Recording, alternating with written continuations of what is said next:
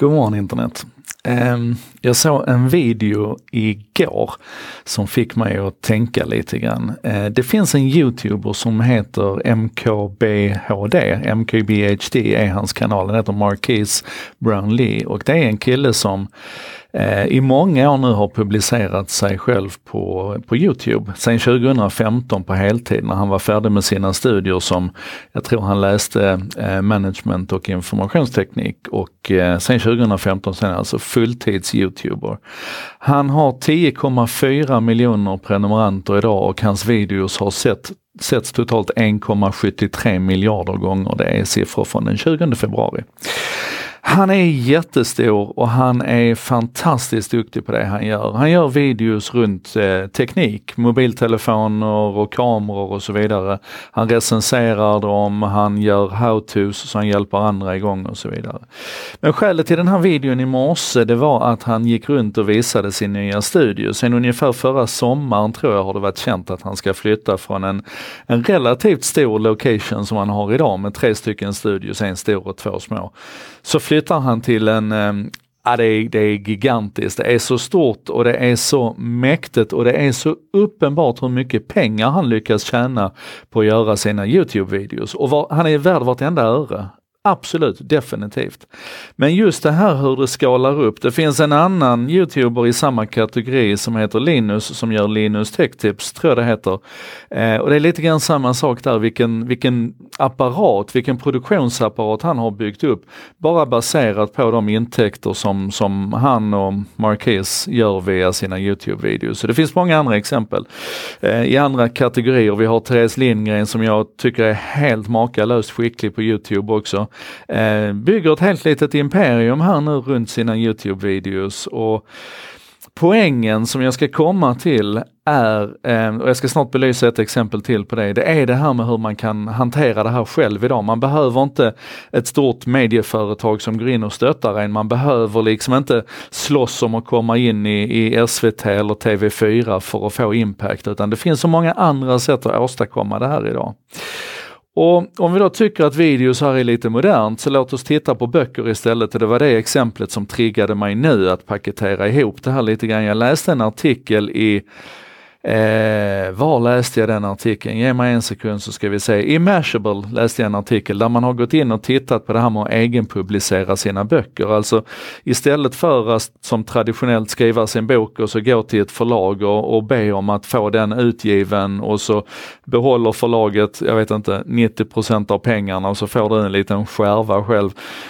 Och det är ingenting att säga om det för förlagen gör jättemycket jobb och mycket arbete och sådär också i den traditionella bokvärlden. Men du kan också egenpublicera dig. Det betyder i princip att du, att du signar upp på Amazon och kör din bokhandel där och så gör du en, en digital printing av dina böcker. Och det är klart att du får göra en hel del mycket mer av det här jobbet själv men du får å andra sidan behålla oändligt mycket mer pengar själv.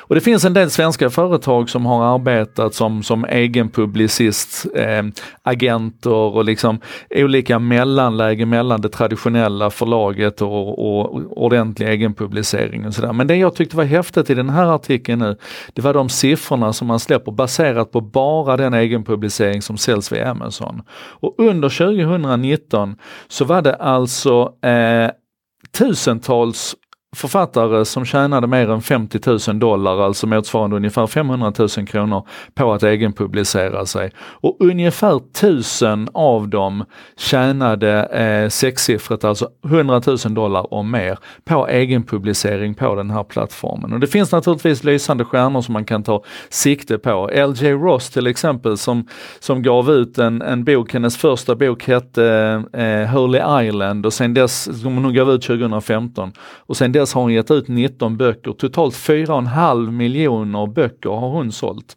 Och det är klart att hon tjänar bra med pengar på det och att hon har liksom hittat en närhet till sin publik och att hon faktiskt till och med tycker det är roligt att jobba lite själv med de här självpubliceringsverktygen och sy ihop sina serier när hon publicerar dem på Amazon och så vidare. Det finns andra exempel, Adam Neville till exempel som började som en traditionell författare i traditionella kanaler via traditionella publicister. Under 20 års tid så skrev han böcker saker där. Eh, men nu har han, och han, ni kan se honom på Netflix just nu också faktiskt, men han har dragit sig tillbaka ifrån den världen och egenpublicerar nu istället sedan 2016 för att han var nyfiken på det och ville se hur det där kunde fungera. Och han har nu alltså sålt fler böcker via självpubliceringen än vad han gjorde tidigare under, under den traditionella publicistiska formen. Och jag tycker det här är så häftigt. Det är lika häftigt som att jag kan ta upp min mobiltelefon och en billig mick och sitta här och prata med er och förhoppningsvis leverera någon slags värde. Um, Ja, vi konsumerar filmer och tv-serier, vi konsumerar det skrivna ordet i bokform på olika sätt. Själv är det alltid i mobiltelefonen eller som ljudbok och sådär. Men grejen är att vi kan publicera oss på ett annat sätt idag. Vi kan vara herrar över vårt eget uttryck och drottningar över vårt eget uttryck på ett helt annat sätt idag än vad vi kunde vara tidigare. Jag tror inte att alla riktigt ser kraften i det. Och jag skulle bli så himla lycklig om fler ville börja publicera sig. Om du där ute också ville starta en Youtube-kanal eller en, en podd eller eh, poddar kan ju alla starta idag verkar det som. Det är bara att köra va. Eller för den delen egenpublicera dig. Skriv den där boken som ligger i, i skrivbordslådan. Skriv färdigt den och ge ut den på Amazon. Vad är det värsta som kan hända liksom? Du riskar ingenting mer än lite tid och, och energi och den här oerhört farliga risken att du råkar lära dig någonting. Det är bara att köra. Hörni, det här var en sak idag med mig och Jardenberg. Det här var nummer 401 och de riktigt nördiga där ute vet ju att nu är vi inne i den här, den här perioden med HTTP-statuskoder. Och 401 kanske inte är så kul men imorgon är det 402 och jag lovar att jag inte ska leverera en 402 till er. Nu får ni gå till Wikipedia, ni som inte begriper vad jag pratar om och eh, söka på HTTP-statuskoder. Så ska ni förstå varför det är roligt att den heter eh, 402 imorgon. Vi ses då!